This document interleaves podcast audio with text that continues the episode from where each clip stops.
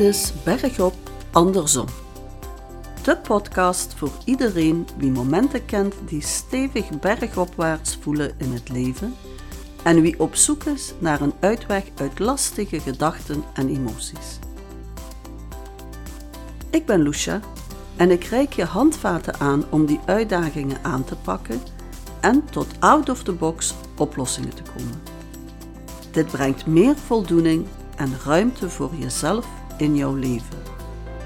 We gaan er samen voor. Bergop, maar andersom.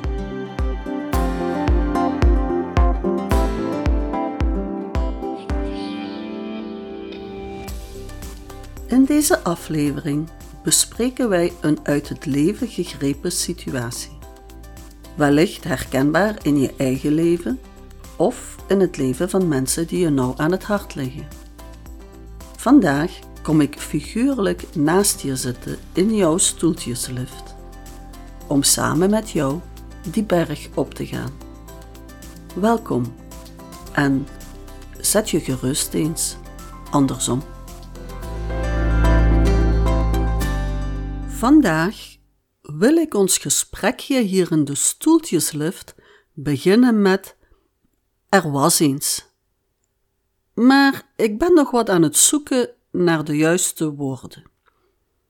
Intussen, hoe is het met jou vandaag? Zit je lekker?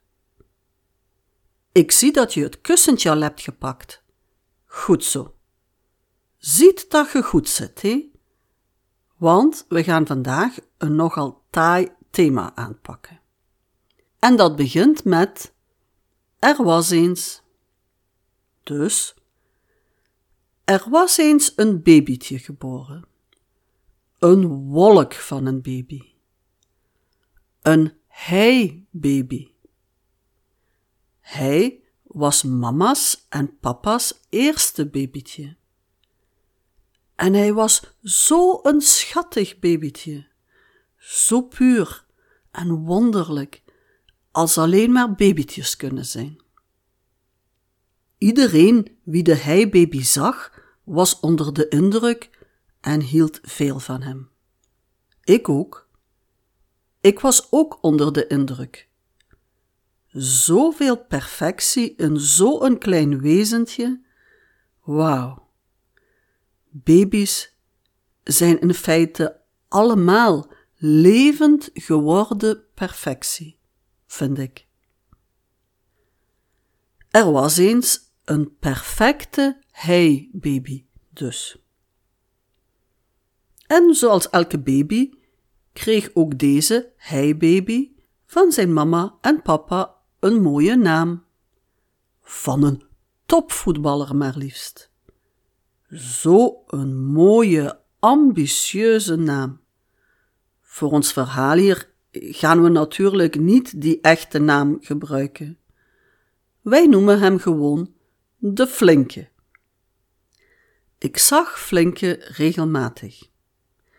Zo een perfect jongetje, zo open en nieuwsgierig en speels, met superguitige oogjes die het leven vol onschuld en verlangen aankeken. Ook toen zijn broertje kwam, nog een topvoetballer. Dat was zo fijn. Ongeduldig wachtte de flinke tot broertje groot genoeg was om samen te kunnen spelen. Dat was wel een beetje moeilijk soms, maar het lukte wel. De flinke genoot van het leven, dat kon je zien. Hij straalde letterlijk van leven. Ik heb geen idee wanneer het gebeurd is, of misschien was er geen speciale wanneer, en gebeurde het in talloze kleine momentjes, onzichtbaar, onderhuids, maar zo ergens rond een jaar of vijf, misschien wel zes, begon ik te merken dat de oogjes van de flinke niet meer zo fel straalden. Er was iets veranderd. Iets was weggegaan en er was iets in de plaats gekomen. De flinke was wel een heel flink jongetje geworden hoor. Hij poseerde mooi voor alle foto's en selfies. Hij wist echt welk gezichtje hij moest opzetten op het juiste moment. Maar hij werd ook wat lastig in zijn gedrag. Een beetje ADHD-achtig zou je bijna zeggen. En koppig ook. Althans, dat zeiden mama en papa. Naarmate hij groter en groter werd, werd hij ook flinker en flinker, zoals ze dat hoort wanneer je grote broer bent. En zeker wanneer je nog een tweede broertje erbij krijgt. Een derde mini-top voetballertje. Dan is flink zijn dagelijkse kost. En natuurlijk ging de flinke al voetballen, trainen en matje verliezen met 11-0 en zo. Op de voetbal leerde hij een ander soort flink zijn. Hij leerde volhouden, sneller zijn en feller ook. Een voetballer mag immers geen watje zijn, had papa gezegd. Dus de flinke deed zijn best om zo flink te zijn als hij maar kon. Op school was dat weer helemaal anders. Daar moest hij sociaal leren zijn en vriendjes maken, samenwerken en goed luisteren. Tja, luisteren, dat kende hij wel. Dat moest thuis ook, vooral als papa boos werd. En luisteren, dat was ook niet tegenspreken. Ook al vond je dat je duizendmaal gelijk had, dat deed er niet toe. Maar de flinke was een sterk kereltje. Hij kon dat wel hoor. Hoewel, hoe groter hij werd, hoe meer je kon zien dat het leven zwaar op zijn schoudertjes woog. Op een dag merkte ik ineens dat zijn mooie oogjes geen oogcontact meer met me maakten. En wanneer hij op mijn vragen antwoordde, praatte hij letterlijk naast me door en eigenlijk ook een beetje naast de kwestie. Een autistische reactie. Verdorie. Ik ken dit verschijnsel maar al te goed. Ik heb het mensen zo vaak zien doen. Het is een manier om zichzelf te beschermen, om de prikkels en de innerlijke conflicten te hanteren, om niet te moeten voelen wat er van binnen gebeurt wanneer iemand je oprecht in de ogen kijkt. Contact maken met wat dieper ligt, of wat je werkelijk voelt, wordt als onveilig ervaren. Het is een survival reactie, wanneer de stress van binnen te groot is geworden. Spijtig om te zien. Hoe het levensverhaal van de flinke verder zal gaan, weet ik niet. En het gaat hier vandaag eigenlijk ook niet om hem, maar om jou. In zijn verhaal schuilt wel een soort gefaseerd model van wat in meer of in mindere mate met iedereen gebeurt. Dus in jou en in elke mens zit ergens het verhaal van de flinke, met dezelfde ingrediënten en dezelfde resultaten in een gepersonaliseerde dosering. Ook jij bent ooit geboren als levend geworden perfectie. Ook jij hebt geleerd om je ouders en de mensen om je heen blij te maken, te pleasen. En daarvoor moest je vaak ook heel flink zijn.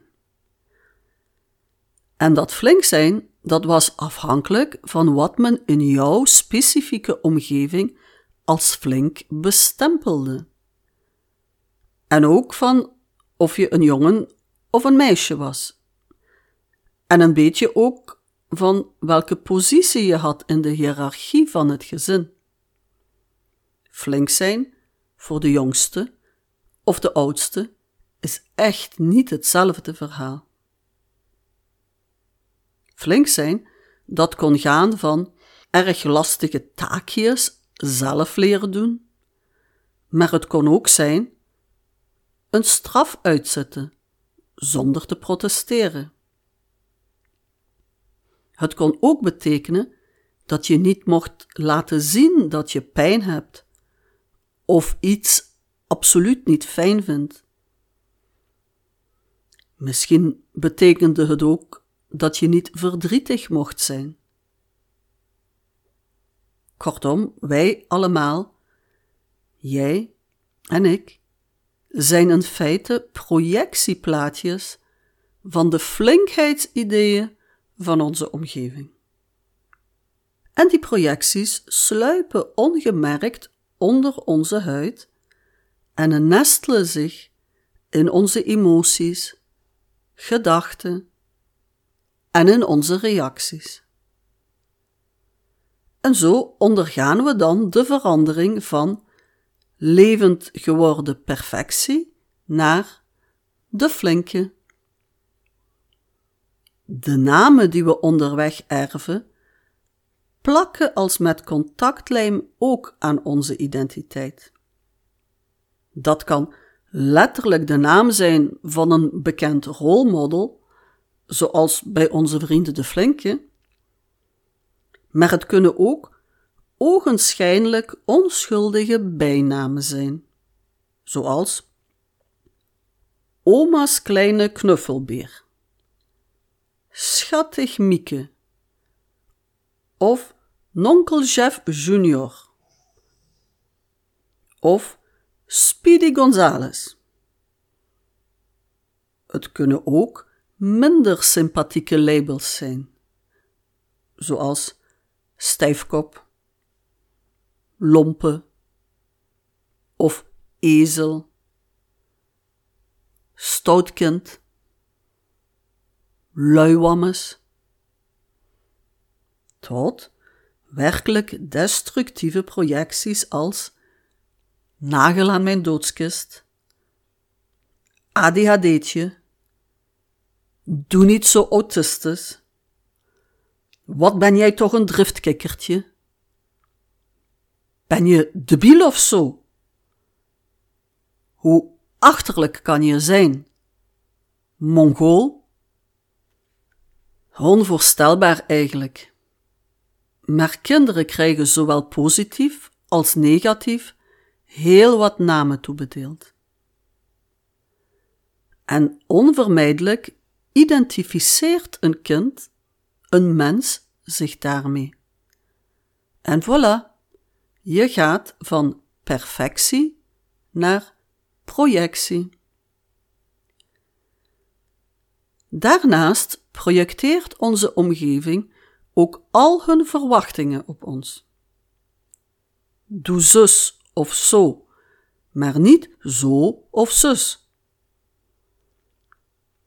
Als je flink bent, krijg je snoepjes, beloningen, applaus. En als niet, dan ja, dan ga je moeten voelen dat ik je afwijs, straf of bekritiseer.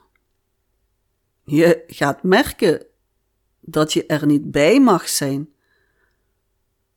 Of net wel, maar dan niet echt mee mag doen. En als je dat niet fijn vindt, eigen schuld, dikke bult. Dan had je maar moeten luisteren. Dan had je maar zo moeten zijn als ik wilde dat jij was. Dat heet conditionering. Puppytraining voor de menselijke psyche. In feite hangt zo'n projectie als een soort virtuele identiteit, als een soort aureool om ons heen. Die identiteit werd opgebouwd door de belangrijkste mensen om ons heen en is daardoor nauw verweven met onze diepste survival reacties. Die identiteit kunnen we ons dus niet permitteren om te verliezen. Tenminste, dat denken we dan. Wij hebben het gevoel dat die virtuele identiteit, dat masker of persona in vakjargon gezegd, compleet onmisbaar is om ons veilig en verbonden te kunnen voelen, of om te kunnen overleven zelfs. Hierbij maakt het niet eens uit of die identiteit positief of negatief is. Ze is er en dat biedt ons een soort geborgenheid. Iedereen heeft zo een identiteit. Ook jij. En je bent die hele combinatie van conditionering ik gaan noemen. Ik ben. En sommige ik bens, zoals de ik ben een flinke puntje, puntje, puntje, daar ben je trots op. En de ik ben niet flink identiteitjes, die onderdruk je dan. En als dat niet lukt, dan veroordeel je jezelf ervoor. En soms straf je jezelf zelfs onbewust wanneer je niet flink bent geweest. Nu wordt het steeds moeilijker om jezelf in de ogen te kijken. Dat heet ontkenning. Of als het nog erger wordt, jou niet flink zijn en de mogelijke straf die je daarvoor vreest, dan ga je helemaal uitchecken. Je zet jezelf een beetje buitenspel en dat heet dissociatie. Hier zijn de zogenaamde autistische reacties niet ver meer, in meer of in mindere mate. Onze vriend de flinke leeft dus in ieder van ons, en dat weerspiegelt zich ook nog eens in de belangrijkste gebieden van onze samenleving. Laten we eens kijken waar de flinke zoal op het levenstoneel geroepen wordt. Allereerst onderwijs. Flink zijn en onderwijs gaan hand in hand. Op school, de plek waar je voor een groot stuk leven leert, worden met behulp van uitgeputte leerkrachten steeds weer hogere eindtermen als flinkheidsmaatstaf opgelegd aan kinderen en jongeren. De maatstaf om uit te blinken, om te excelleren in iets, zodat wij trots op hen kunnen zijn en zodat zij later de economie van het land kunnen rechthouden. Althans, dat wil men ons doen geloven dat dat belangrijk is om als volk te kunnen meetellen en te overleven dus. Een paar jaar later, op de werkvloer, wel, daar moet je nog flinker zijn. Je moet vlijtig werken tot je neervalt of opbrandt. Een burn-out? Eigen schuld dan had je in je vrije tijd maar flinker gerust moeten hebben. En geen energie verspillen aan te veel vermoeiende vrije tijdsbesteding. Ga het maar rap leren ergens, beter balans houden. Flink zijn betekent ook dat je jouw collega's niet in de steek mag laten. dat je je dus schuldig moet voelen als je te lang thuis blijft wanneer je ziek bent. Je moet dus zo snel mogelijk terugkomen werken, desnoods op halve kracht. Flinke mensen helpen immers de doelstellingen van hun bedrijf te realiseren. Ze houden de economie draaiende en dragen solidair bij aan de staatskas. Flinke mensen blijven ook doorlopend bijleren, worden desnoods heropgeleid, om maar competitief te kunnen blijven op de arbeidsmarkt, om niet uit de boot te vallen. En dat competitie geweldig is, dat kennen we ook vanuit de topsport. Hoe flink zijn die atleten wel niet? Die kunnen doorgaan, grenzen verleggen, tot ze net niet neervallen of gillend victorie kraaien. Die kunnen op hun tanden bijten en winnen tot elke prijs. Chapeau. En niet winnen betekent een hoop teleurgestelde fans in de ogen moeten kijken. En ook dat er iemand gestraft moet worden, de trainer bijvoorbeeld, die dan de laan wordt uitgestuurd. En jij, als sportman of vrouw, jij mag dan niet meedoen in de hoogste en meest rendabele kwalificaties. Wie weet, wil niemand je nog sponsoren dan? Niemand wil je kopen als je niet bij de allerflinkste bent. Je verliest je status en je statussymbolen. Overal in het leven moet je flink zijn en staan blijven. En als je valt, meteen weer opkrabbelen. En steeds sterker, beter, slimmer worden. Je moet ook niet vergeten flink te zijn als je ziek wordt. Flink je medicijnen nemen. En vooral flink doen wat de dokter zegt. En als je ernstig ziek bent, dan moet je weer flink zijn en tegen je ziekte vechten, tot zij of hij heeft zo flink gevochten, maar helaas de strijd met de ziekte verloren. En dan hoef je eindelijk niet meer flink te zijn. Weet je, ik weet niet welk soort flink jij hebt leren zijn. En voor ik dit lastige thema verder met je uitwerk, weet dat ik diep respect heb voor jouw flink zijn. Respect voor jouw persoonlijke survivalstrategie. En voor alle moed en kracht en creativiteit waarmee je dat in jouw leven in werking zet. Maar hoe trots je ook mag zijn op jouw flinkheid, flink zijn heeft een zeer hoge prijs. Flink zijn maakt om te beginnen dat je steeds iets anders moet zijn dan wat je al bent. Je bent dus niet meer perfect zoals je bent. Je bent immers flink naar aangeleerde maatstaven. Dat je jezelf al flink zijnde tot op het randje van de vernietiging kan brengen, dat heeft niemand je verteld. Dat je vervreemd van je werkelijke behoeftes en misschien niet zo flinke voorkeuren, wil niemand weten. En als je per ongeluk toch probeert om gewoon te doen waar je zin in hebt, bijvoorbeeld, dan is er dat stemmetje in je hoofd dat je influistert: Doe niet zo flauw.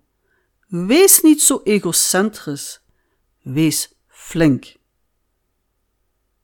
Wanneer flink zijn maatstaf is, dan zijn alle momenten dat je niet flink bent automatisch minder waardige momenten. En zo is de bloemenkrans die rond je hals wordt gehangen als je weer eens zo flink bent geweest, tegelijkertijd de strop rond de nek van jouw authentieke jij. Laten we eens, gewoon voor de lol, een zelfinschatting doen samen. Hoe hoog scoor jij op 100 op de titel De Flinke? Voel maar wat het eerste in je opkomt. Op 100. Wel? Hoe hoog? Als je jezelf veel punten geeft, wat doe je dan met jezelf in die levensperiodes wanneer het je niet lukt om flink te zijn? En als het nu nog makkelijk lukt en je nog heel flink bent, wat gaat er met jouw identiteit gebeuren wanneer je het op een dag niet meer lukt?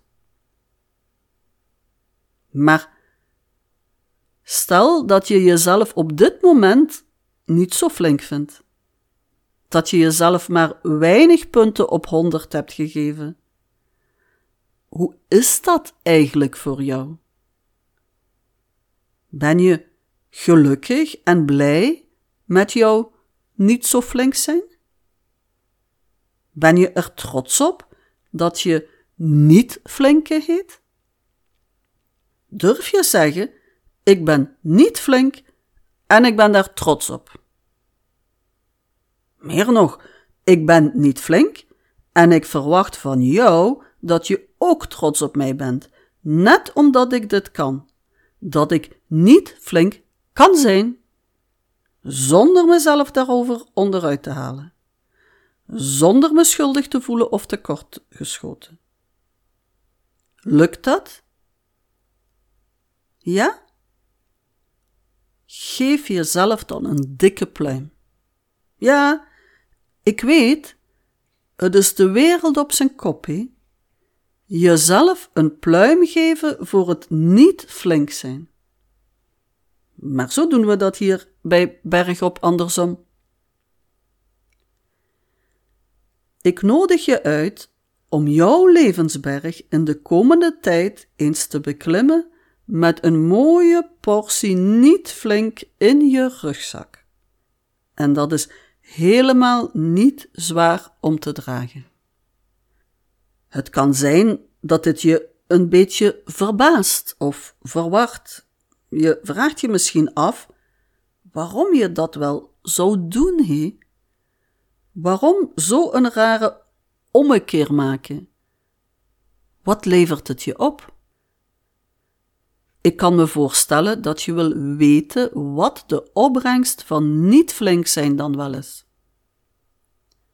Zeker wanneer we al weten dat flink zijn zo diep vervlochten is met jouw identiteit, dat je al zo lang geoefend bent in flink zijn en dat je nooit leerde om het andersom te doen. Dan moet de opbrengst toch serieus de moeite waard zijn om iets zo radicaals als niet flink hoeven te zijn uit te proberen. Niet waar? Wel, ik garandeer je, het is echt de moeite van het proberen waard. En je gaat dat heel snel merken. Je zal zien. Want om te beginnen zal je kunnen merken dat jouw zenuwstelsel je dankbaar gaat zijn. Want steeds flink moeten zijn bouwt heel wat spanning op in je lijf. Je staat letterlijk op scherp wanneer je flink bent. De boog van je zenuwen staat dus gespannen, ook als jouw flink zijn niets lichamelijks is. Je hele lichaam spant zich ook innerlijk op wanneer je probeert flink te zijn. Als dat niet hoeft, dan ontspant jouw lichaam en jouw zenuwstelsel zich. Je stressniveau neemt af, je voelt je beter. En dat komt op heel wat vlakken je gezondheid ten goede. Allerlei stressgerelateerde klachten verminderen, of verdwijnen, om de simpele reden dat jij jouw lichaam en jouw geest de nodige ruimte geeft om te recupereren. Het hoeft niet meer op 10.000 volt te staan. Flink zijn is bovendien iets wat jouw lichaam helemaal niet begrijpt. Het wil gewoon in een natuurlijke balans van spanning en ontspanning leven. Het wil niet gedwongen flink moeten zijn. Het wil gewoon kunnen zijn wat het is en leven. Maar niet alleen jouw lichaam ontspant, ook jouw innerlijke criticus kan met vakantie gaan. Of misschien wel bedankt worden voor zijn of haar diensten. Die interne criticus, dat is in feite de innerlijke advocaat van al die projecties op jou, van wat flink zijn voor jou betekent. Die vertegenwoordigt eigenlijk de mening van al de andere mensen. Als een kapotte grammofoonplaat probeert die interne criticus je te zeggen wat je wel of niet moet doen, om mee te tellen. Hij jaagt je emotioneel op om mensen te pleasen. Wanneer je hem op vakantie gaat sturen, zal hij zeker wel een beetje protesteren, daar kan je je aan verwachten. Niemand verliest graag zijn verworven plekje, ook je criticus niet. Zeg hem dan dat hij zich ook eens andersom mag draaien. Help hem zonder hem te bekritiseren, zonder jezelf te bekritiseren voor de aanwezigheid van de criticus. Zeg hem dat hij gerust eens heel kritisch mag kijken naar al die normen en waarden van mensen die dat flink zijn van jou eisen. Is het wel tof van die mensen om dat te doen? Of zouden zij eigenlijk eens een flinke veeg uit de pan moeten krijgen en de mededeling dat ze al hun projecties op jou dienen terug te nemen?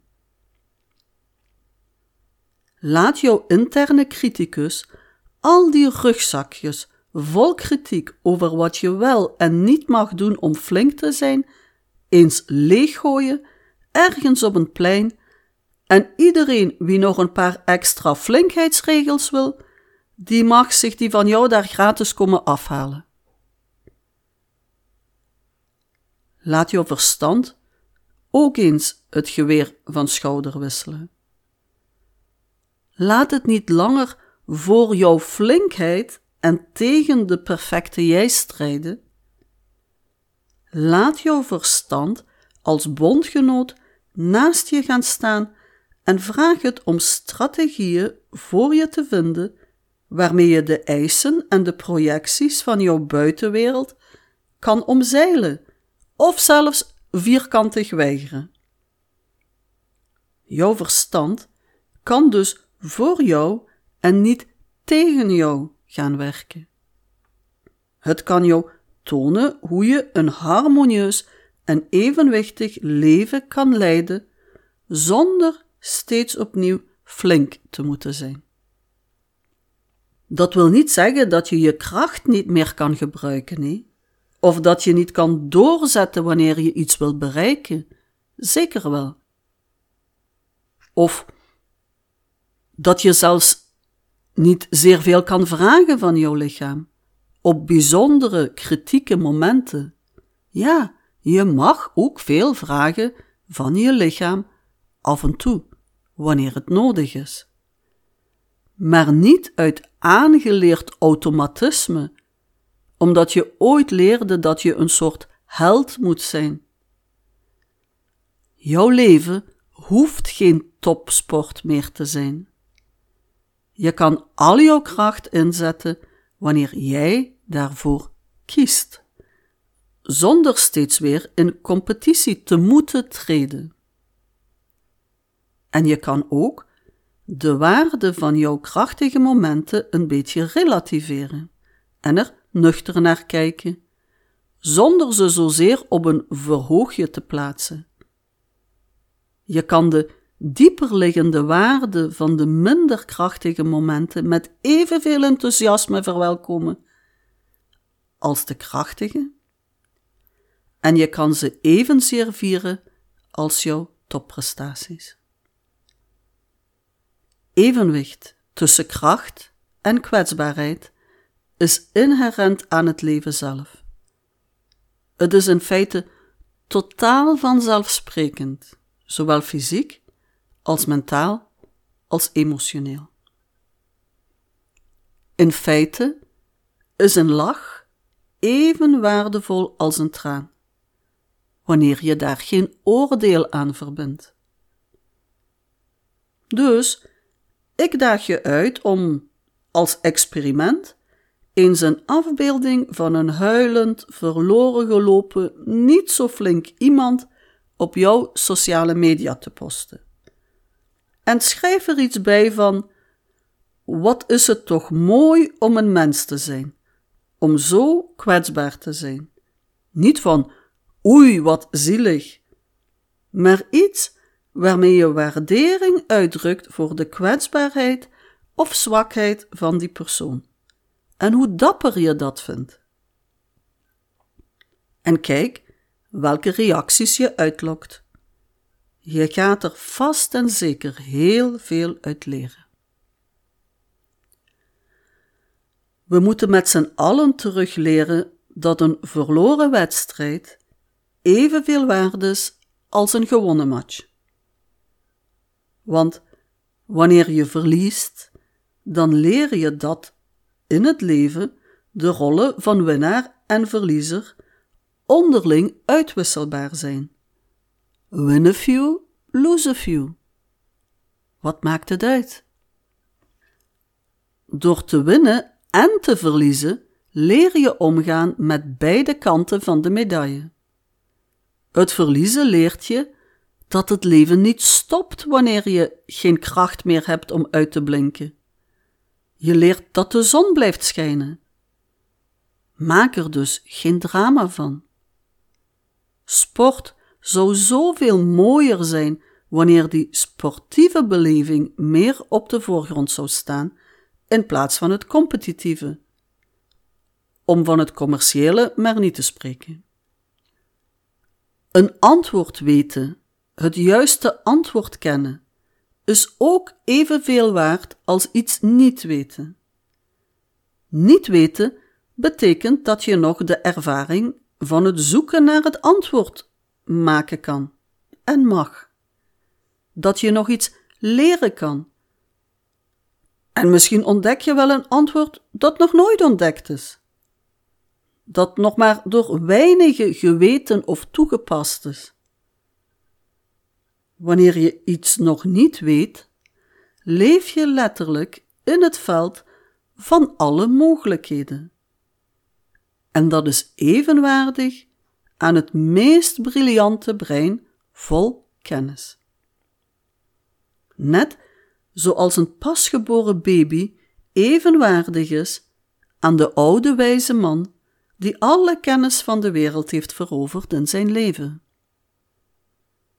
de grootste filosofen, kwamen tot de conclusie: Ik weet dat ik niets weet.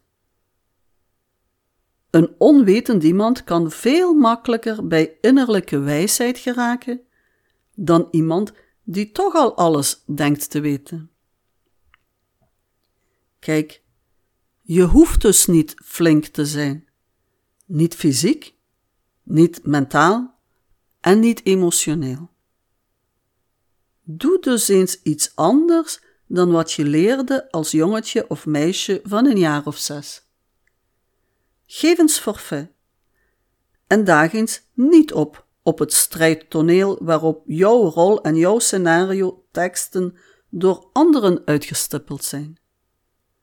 Doe eens andersom en zeg: Oeps, ik geloof dat ik mijn tekst kwijt ben. En weet, dat je ook hierin niet flink hoeft te zijn. Dit is geen uitnodiging om in één ruk 180 graden rechtsomkeer te maken. Dat gaat je hoe dan ook niet lukken, want jouw aangeleerde rollen zijn in jouw identiteit ingebakken. Je hoeft geen drastische veranderingen aan te brengen, ook al ben je ervan overtuigd dat ze nodig zijn of het beste voor je zouden zijn. Drastische veranderingen zijn zeer lastig en pijnlijk soms. Dat hoeft niet. Opnieuw, je hoeft ook hierin niet flink te zijn en al jouw conditionering en zo ineens achter je kunnen laten. Neem je tijd. Je hoeft trouwens maar tot in de helft te gaan, want harmonie, dat is 50-50. Dat is niet van de ene naar de andere kant ineens. Dus, elke beweging andersom telt. Elk stapje dat je zet waarbij je bewust kiest om niet flink te zijn. Niet om iets te bereiken, maar gewoon als oefening. Laat ik je om ons gesprekje van vandaag af te ronden eens een paar kleine tips geven om je een beetje op weg te helpen. Om te beginnen, een algemeen vertrekpunt. Wanneer je merkt dat je weer al bezig bent om flink te zijn, vraag jezelf dan eens af: hoe draai ik dit om? Hoe doe ik dit nu 25% minder flink? En als dat te moeilijk voelt, pak dan 5%. Of een heel klein beetje. Alles telt. Probeer ook eens te spelen met jouw door de weekse dagelijkse reacties. Zeg eens luidop au als het pijn doet. Ook als het maar een beetje pijn doet. Dat is ook au. Je hoeft pijn niet stoer te verbijten. Zeg eens: Ik weet niet hoe ik dat moet doen. Misschien lukt het mij wel nooit, maar ik wil wel proberen. Je mag het niet weten of niet kunnen. Je mag mislukken en wat dan ook. Zeg eens: Dit is erg zwaar om alleen te dragen. En ga op zoek naar iemand om je te helpen. Ook al is het iets wat je in principe wel alleen zou kunnen tillen. Je hoeft niet alles alleen te doen, ook niet als je de kracht in principe wel hebt. Bedank jouw helper niet voor het feit dat je zijn kracht mocht gebruiken. Bedank hem voor zijn aangename aanwezigheid, voor de kameraadschap, voor de hulpvaardigheid. Bedank je helpers voor de zachte eigenschappen die ze met zich meebrengen. Niet voor hun krachtige bijdrage, niet voor hun kunnen, maar voor hun zijn. Doe niet mee aan de conditionering van de flinken der aarde. Laat ook niet toe aan iemand anders om zich in jouw bijzijn te overtillen of te overwerken. Steek een handje bij, vooral wanneer de ander het zogenaamd niet nodig heeft. Zeg eens veel sneller en vaker: Ik ga nu eerst even rusten, anders ben ik straks te moe om te kunnen genieten. Rusten hoeft niet pas dan te komen wanneer jij al KO bent. Zeg eens: Ik hoef niet te winnen vandaag. Als ik verlies, trakteer ik mezelf op een punt, omdat ik een pluim verdien dat ik mezelf niet tot het uiterste heb gepusht. Geef jezelf ruim de tijd om elke klus te klaren. geef jezelf 25% meer tijd dan dat je denkt dat nodig is. En gebruik die tijd om het rustig aan te doen. Haast en spoed is sowieso zelden goed. Zo, hiermee kan je alvast aan de slag met jouw niet flink zijn challenge. Ik weet zeker dat jij er nog veel meer kan verzinnen. Zie het als een spelletje.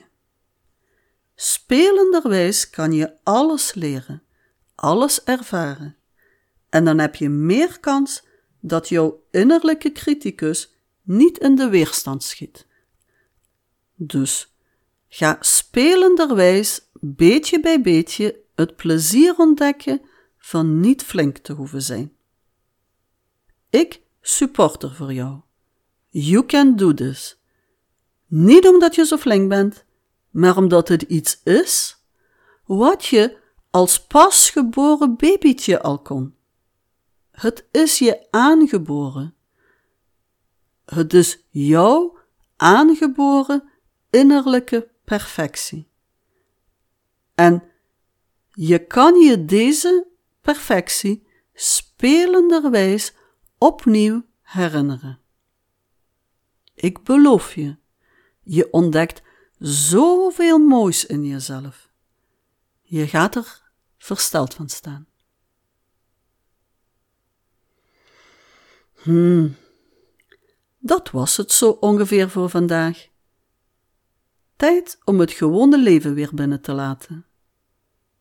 Luister gerust nog eens opnieuw naar deze aflevering, of naar stukjes ervan, want het was veel wat we hebben gezegd deze keer, niet waar?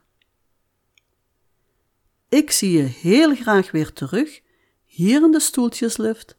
Je weet wel, op de eerste vrijdag van de komende maand. Fijn dat je luisterde. Tot hoors.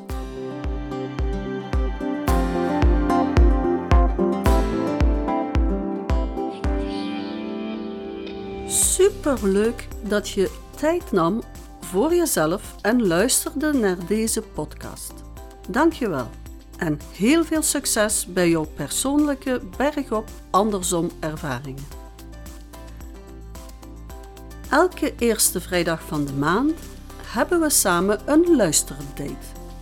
Ik kom dan naast je zitten in de figuurlijke stoeltjeslift die bergop gaat op jouw levensberg. Heeft deze podcast iets voor je betekend en ben je op waardevolle ideeën gekomen? Deel hem dan gerust met je vrienden via jouw sociale mediakanalen.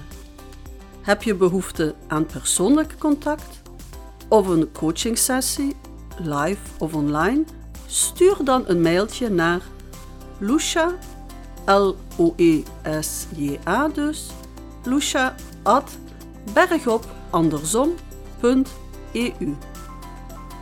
Maar om zeker de volgende aflevering niet te missen, kan je je best even abonneren door in je podcast-app op de button abonneren te klikken. Telkens er een nieuwe aflevering gepubliceerd wordt, krijg je dan automatisch een berichtje. Ik kijk er al naar uit om je weer te mogen inspireren in de volgende aflevering. Tot gauw!